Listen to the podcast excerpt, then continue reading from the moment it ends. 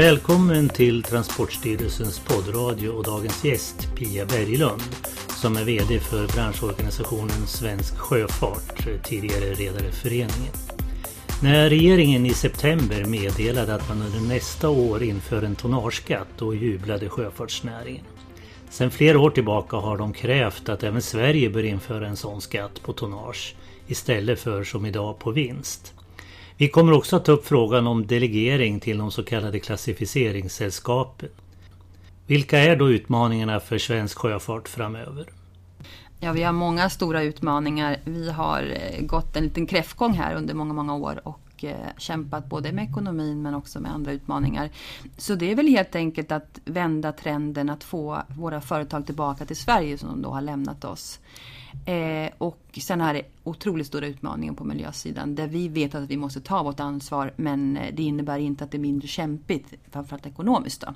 Ja, efter flera år utav diskussioner om tonnageskatt eller blåskatt som ni brukar vilja kalla det så har det nu precis kommit besked om att det blir en sån här tonnageskatt. Vad betyder det? Ja, det betyder otroligt mycket. Vi driver frågor under två paraplyer. Det är lika konkurrensvillkor mot andra trafikslag och det andra är lika konkurrensvillkor mot andra länder. Och det är ju den här andra fasen då, där det, där det liksom helt enkelt, det har inte gått att bedriva sjöfart under svensk flagg för att det har varit för dyrt. Så att det, de tappra som är kvar då, 100 fartyg kvar av, av totalt 400, eh, gör ju det mer av hjärta än av någonting annat. Så att det är otroligt viktigt för våra företag för att framförallt för att återinvestera faktiskt i, i, nya fartyg. Det har varit omöjligt att växa under svensk flagg. Men varför har det tagit så här lång tid? 14 år, ja. eh, tre regeringar, alla sorters färg på de regeringarna så vi kan inte säga att det har varit partipolitik heller. Eh, det är en främmande fågel i skattesystemet, det här systemet, eh, som gör att man då faktiskt från alla, alla finansministrar känns det tveksamma alltid. Eh, det är det system som EU rekommenderar att länderna tar, så Sverige har faktiskt fått anmärkning att man inte har infört det här, för det är ett system, vi är en otroligt investeringstung bransch och då behövs det särskilda regler och det har vi äntligen fått erkännande för att man kan behöva göra avsteg från normala skatteprinciper. Och det här är en skatt ska vi säga då som man nästan kan välja själv om man vill betala eller ej? Vi kommer betala skatt varje år även när vi faktiskt inte tjänar pengar och det har vi varit noga med att tala om att det, finns en otrolig säkerhet för statens sida att få in sina skattekronor. Den är förutsägbar, det är den stora poängen för oss. Vi vet vilken skatt vi ska betala. Ja, den är överblickbar. Det är överblickbar, ja, Till skillnad mot tidigare då ja. man var vinsterna ja. som styrde skatten. Men det finns absolut ingen skatt, risk för skattefrihet utan tvärtom, vi kommer betala ungefär lika mycket skatt i framtiden som vi betalar idag. Vi får betala eh, på, på andra beräkningsgrunder. Och det kan låta otroligt tråkigt och skattetekniskt men för framförallt investeringarna så är det viktigt. Och då vill jag bara nämna att exempelvis ett större passagerarfartyg kostar ungefär en och en halv miljard ett fartyg. Och av mina 60 medlemsföretag så är alla utom tre familjeägda. Så det här är ju familjeägda eh, rederier som går in och gör investeringar på en och en halv 3-4 miljarder Eh, och det är de investeringarna som vi behöver få tillbaka till Sverige för de går inte idag att göra under, under svenska villkor. Men det är det vi tror att, att vi nu kan få till. Då. Men kommer även de som tidigare har flaggat ut att komma tillbaka? Tror du? Det tror vi, eh, om man tänker hur det ska ske det här så tror vi i första hand det blir de nya. För det, det är bra för de som bygger nytt. Det är attraktivt gärna att bygga i Sverige. Eh, och eh, i andra hand så är det komma tillbaka. För det man ska tänka på när företag väl har lämnat Sverige, ett antal av våra rederier har lämnat helt och hållet, flyttat huvudkontor och allting. De har idag eh, personalåtaganden i andra länder. Och, och inte, alltså vi tänker inte alltid bara skatter och, och kronor utan vi är ju, försöker vara ansvarsfulla eh, mm. arbetsgivare.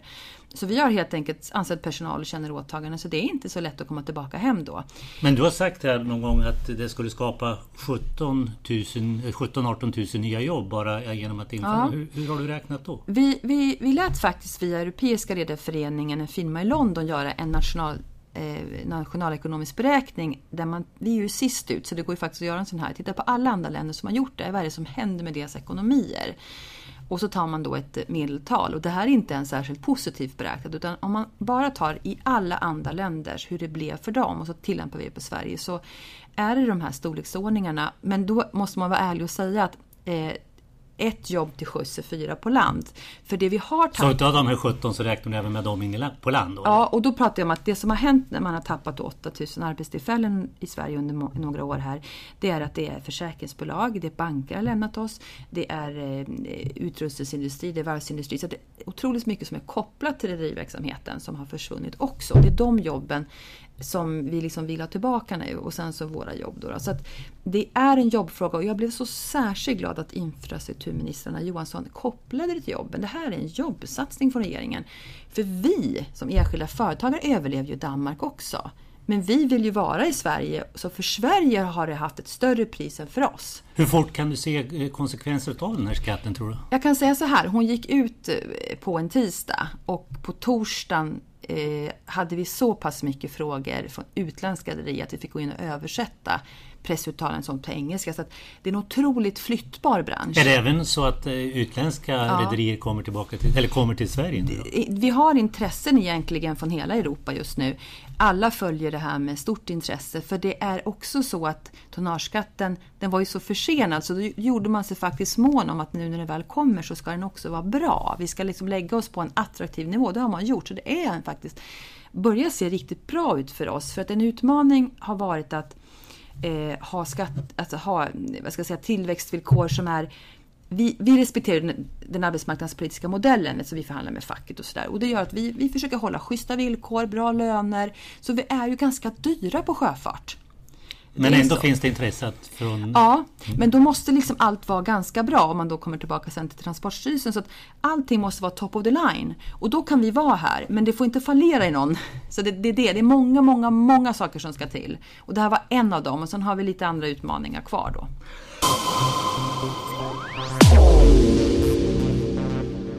Du lyssnar till Transportstyrelsens poddradio och ett samtal med Pia Berglund, VD för Svensk Sjöfart. En annan aktuell fråga är delegering till de så kallade klassificeringssällskapen. Det vill säga att myndigheter överlåter uppgifter till dessa istället för att utföra dem själv. Det är en jätteviktig fråga och, och den är faktiskt har funnits med flera hundra år. Eh, så, så att jag tror att sjöfarten, långt, långt innan det fanns sjöfartsmyndigheter, hade ett system för försäkringar främst, där man tittade på fartyg, satte en klass på dem, hur, dukt, hur säkra är de och sådär, för försäkringsvillkoren. Så det finns en otroligt lång tradition i sjöfartsvärlden att det är de privata bolagen som gör det här, så det är inget nytt påfund.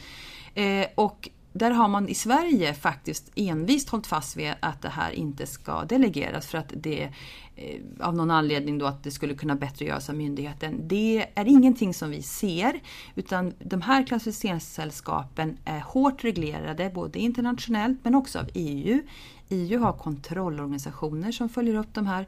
Så eh, det, det, det finns ingen sån... Men blir det billigare för er? Det blir billigare men jag skulle faktiskt också att det blir otroligt mycket mer effektivt. För att vi finns ju, av mina då 400 fartyg så finns de över hela världen. Jag har, har rederier som har fartyg som aldrig anlöper Sverige. Och Transportstyrelsen jobbar 85 i Sverige på 10 platser, 12 platser. Jag har ju rederier som aldrig någonsin är i Sverige. Så att det är tillgängligheten skulle jag nästan ranka som högre än priset faktiskt. Och det här är någonting som också kanske borde ha gjorts tidigare? Då? Det borde det ha gjort och den frågan har varit uppe länge. Där faktiskt i det här fallet har politikerna legat före myndigheten och tryckt på. Där det funnits ett internt motstånd inom Transportstyrelsen och tidigare då Sjöfartsinspektionen att göra det här. Som är säkert gott grundade på att man faktiskt har trott att det här är sämre eh, sjösäkerhetsmässigt. Men det finns ingen som helst stöd för det och det är väl det vi har jobbat med att försöka visa på att det finns ingen risk för någon utan det, det finns jättebra kontrollsystem så att det ska inte bara påverka säkerheten. Vad blir då sätt. en myndighet som Transportstyrelsen? Vilken roll får den då i framtiden? Ja precis, för det är ju så att vi kommer ju ha stora förväntningar och eh, liksom ambitioner för Transportstyrelsen i kundbemötande och annat. Men eh, jag ser ju framför mig en sån sak som i eh, normgivningen så är man ju jätteviktig. Vi behöver ha effektiva och bra regler som är, är bra tillämpade och där kan vi försöka liksom tillsammans hjälpa till för att få dem både kostnadseffektiva men också med bra säkerhetsnivåer. Eh, men också så, så, bra bemötande. Vi är ju, är ju registrerade under svensk flagg och har mycket registerfrågor. Så jag tycker egentligen i alla de arbetsområden Transportstyrelsen håller på med att de har en stor roll. De ska inte vara ute och räkna flytvästar. Det finns det andra som gör. Det är egentligen där vi drar gränsen. Men om vi blir fast och det är en olycka, då är det definitivt Transportstyrelsen som ska gå in. Man är ansvarig för fartyget och dess säkerhet. Men inte för den dagliga operativa kontrollen. Det finns det andra som kan göra, kanske både bättre och mer tillgängligt än, än vad Transportstyrelsen gör. Du har själv jobbat på Transportstyrelsen tidigare. Hur ser du på den kopplingen i din roll som du har idag? Ja, eh, det var faktiskt också därför jag blev rekryterad. Att, eh, som en intresseorganisation då, som Svensk Sjöfart är så behöver ju vi eh, vara duktiga på att komma in i processerna i god tid. Vi hade ju vi har ett svaveldirektiv som har införts här för 1 januari eh, där man då sänker nivåerna för svavelinnehåll i bränsle som är otroligt eh, det är bra, det ska göras, men det är väldigt, väldigt kostsamt för oss. Där man liksom kommer in lite sent från den här föreningen då. Så nu försöker vi tillsammans med myndigheten titta på hur kan vi tillsammans från början bygga regler som är bra för oss men också bra för säkerheten och miljön. Där jag tror att svenska företag, det tror jag gäller inom alla områden på Transportstyrelsen, vi tar ju ansvar. Alltså vi försöker ju ligga i förkant. Eh, och man så genom kan bygga, man kan nästan stärka vår konkurrenskraft genom att ha bra regler. Vi är ju inte emot stränga regler, det, det puttar ju bort vissa av våra konkurrenter. Så jag tror att där kan där kan vi eh, där kan ju min kompetens komma till nytta. Då. Det är så vi har tänkt att liksom, vi ska bli bättre på att komma in mycket, mycket tidigare med vår information. Eh, alltså, vad kostar det här? Vad skulle det påverka? Vilka tekniska möjligheter finns det? Där vi i stort sett har erbjudit Transportstyrelsen, vi kan bemanna upp med vad som helst i, i, i form av expertis. Vill man ha sådana skeppsbyggare, då har vi det. Och vill man ha nautiker så behöver inte Transportstyrelsen hålla med allt det. För att de är, det är ju en avgiftsfri organisation. Jag tror att om vi bara litar på varandra, att vi vill varandra väl, så kan man liksom nyttja varandra på bästa sätt. Då.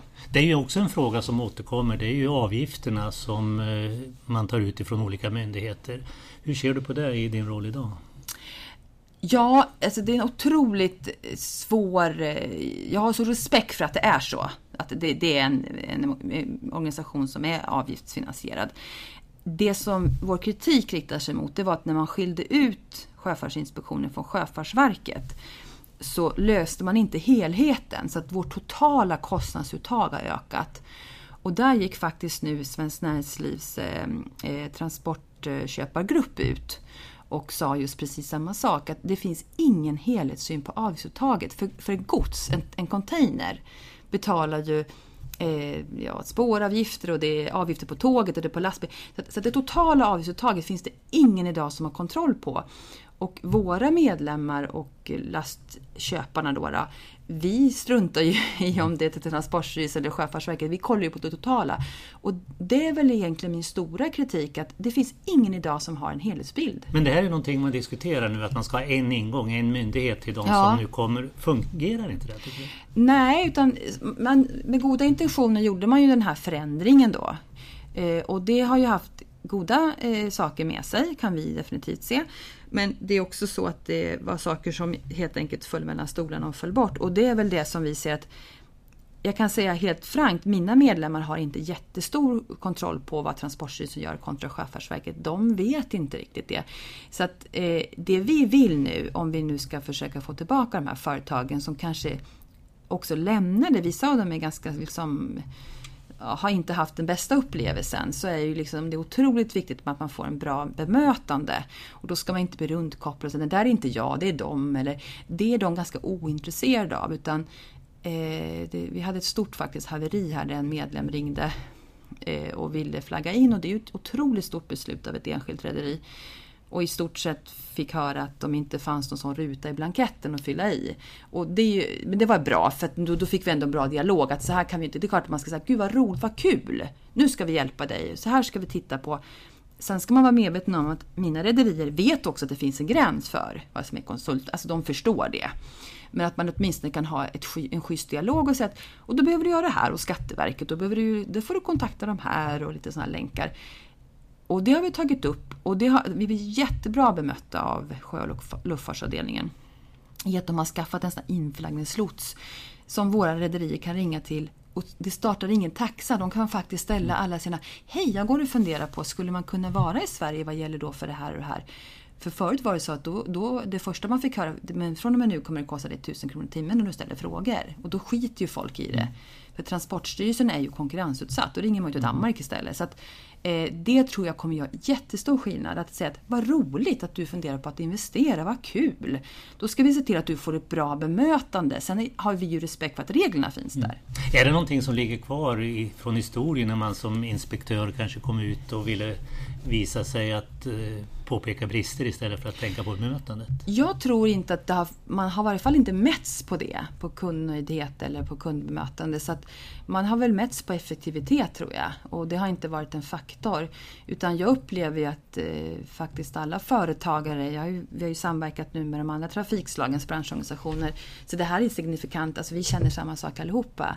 Eh, det har inte efterfrågats från ledningen så att det är därför vi gick ihop nu alla trafikslagen och krävde liksom att Transportstyrelsen mer aktivt på strategisk nivå ska jobba med de här frågorna. Att, ett, ett, vem är ni till för och varför? För att det är ju så att vi betalar ju faktiskt också lönen. Alltså de är konkurrensutsatta. Vi kan gå imorgon så har ni inga arbe alltså arbetsuppgifter. Så att, vad ska jag säga, vi, vi litar på att, att Transportstyrelsen själva har koll också på att det finns en myndighetsroll. Vi har respekt för det. Vi, så är det i alla länder. Men att man man ska ha en bra resa dit. Har ni fått gehör för de här synpunkterna? Ja, det tycker jag. Den kom ju redan då under faktiskt förra regeringen och den förra generaldirektören. Så det landade väl där och vi har haft ett första samtal med Maria Ågren och eh, vi tror att hon, det är viktigt liksom att hon från ledningen kommer att säga att det är fokus på det här nu. Så att det kommer rakt ner, att det här är ett prioriterat område. Att eh, vi ska vara en del av att utveckla svensk sjöfart och Eh, på de områden som Transportstyrelsen ansvarar för, säkerhet och miljö och tillgänglighet. Då. Men att man också är lite mer aktiv i den rollen då. Och ser oss som partners. Och, eh, och det, det, ska ju kunna vara öppna åt båda håll och går vi för långt så, så klart att då ska ju vi få, få höra det också. att att vi kan inte kräva mer än vad, vad Transportstyrelsen kan göra då. Men den öppenheten har inte funnits. Det har mer varit diskussioner man, via beslut eller remiss. Eller vi har liksom inte pratat med varandra. Vi har inte lyft luren om man fått ett ärende. Hej, jag ser att du har fyllt i det här, men eh, så här ser det ut, att då, ska du ha, då måste vi ha den här informationen eller det är kanske det här du borde söka istället för att göra avslag. Alltså det är liksom, tror jag, en attitydsfråga. Mm. Men jag tror att det måste komma uppifrån och det var väl den konklusionen vi gjorde. Du lyssnar till Transportstyrelsens poddradio och ett samtal med Pia Berglund, VD för Svensk Sjöfart. Under de senaste åren har frågan om hur man kan utveckla inlandssjöfarten aktualiserats. Kan det då påverka även den internationella sjöfarten? Absolut. Och, och eh, alltså, våra medlemsföretag eh, är ju... Vi, vi har ju färger och, och Eh, godstransporter då. Men eh, vi, vi behöver ju alltid få godset till hamn och vi behöver få godset från hamn någon annanstans. Eh, så att vi tycker det finns världens potential, om man tittar i Göteborg, att idag last om det är 5000 lastbilar någonting som går ner med, med gods till Göteborg. Det mesta av det skulle kunna gå i Vänertrafiken. Så att vi tror att det finns liksom nästan ingen hejd på potentialen i den frågan. Men varför har det inte hänt någonting? Det finns ingen konkurrenskraft i det. Det går inte att, att konkurrera med lastbilar idag. Det, Men hur ska man kunna göra det för att det ska bli bättre? Det är styrmedel bara. För att eh, det, de, vi har ett antal rederier som faktiskt räknar på det. Och vi har någonting som heter Vänerpendeln idag. Som tar varje sån här resa är då ja, 50 till 70 lastbilar då, varje sån enkel båt. Och det är ju 50 till 70 lastbilar mindre i Tingstadstunneln. För dem, både tänka, inte bara miljö, men också faktiskt trängsel och stress för de som bor här och förseningar och så. Och så länge man inte räknar på det och lastbilen bara betalar för sin bensin, då kommer ju inte det fungera. Utan eh, den dagen man också trafikslagen då eh, får betala för de belastningar både i trängsel tänker jag och i miljö som man faktiskt belastar så kommer det vara lättare för oss att konkurrera.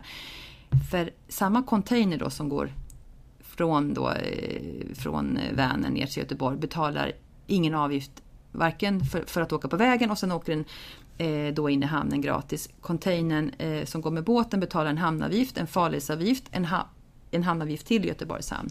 Så att den är, har liksom betalt hundra gånger om, det går inte att räkna hem. Så det måste till politiska beslut för att kunna... Ja, och jag tycker faktiskt också att, att regionerna har en ganska stor an, ett stort ansvar här. Att liksom Göteborgs, Göteborg som är den största hamnen då i Sverige, de behöver bestämma sig, ska det vara fler lastbilar på vägen eller inte? Och då ska man inte bygga ut då och bara förbereda för för lastbil och järnväg och sjö. Men tror du att vi kommer att få se en Vänertrafik värd namnet framöver? Ja, alltså det vet ju jag. Så här funkar ju företagare. Fått lära mig under de här här eh, två åren jag varit här.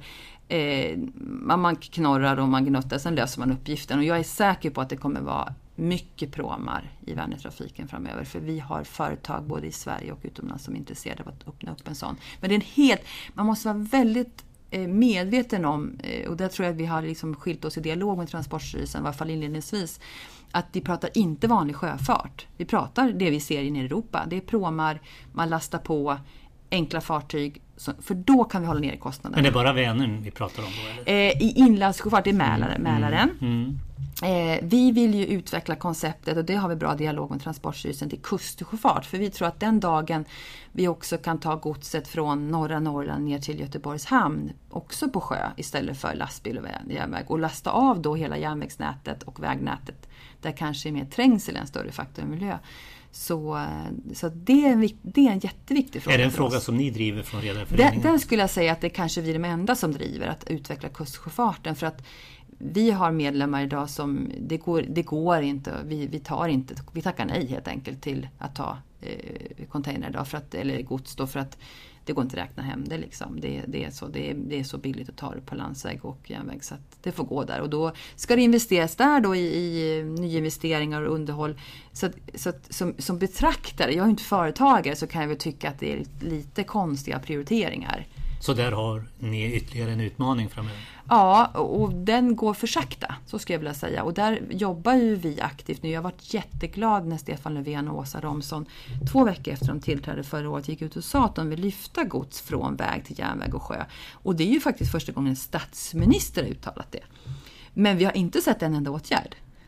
Men, men, men vi är glada för att statsministern uppmärksammat det i varje fall. Det är noterat hos mina medlemmar. Så får vi se vad det blir för åtgärder.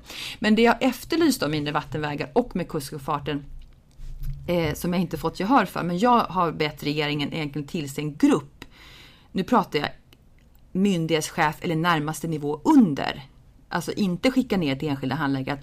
Vad måste Trafikverket göra? Vad måste Sjöfartsverket göra? Vad måste Transportstyrelsen göra för att det här ska hända? Vad måste Sveriges kommuner och landsting göra? En fem, sex kloka, seniora, alltså strategiska personer. För det är ett antal person, saker som måste hända samtidigt. Då kommer det här hända. Men man kan inte tro att eh, liksom, man kan skicka ner det i ett av rören. Det måste ligga alla rör samtidigt. Och den strategiska styrgruppen har vi inte sett till än. Men vi driver den frågan. Du har lyssnat till Transportstyrelsens poddradio och ett samtal med Pia Berglund som är VD för Svensk Sjöfart, tidigare Redareföreningen. Har du synpunkter på innehåll eller ämnen som vi bör belysa? Mejla då till kontakt transportstyrelsen.se. Hej då!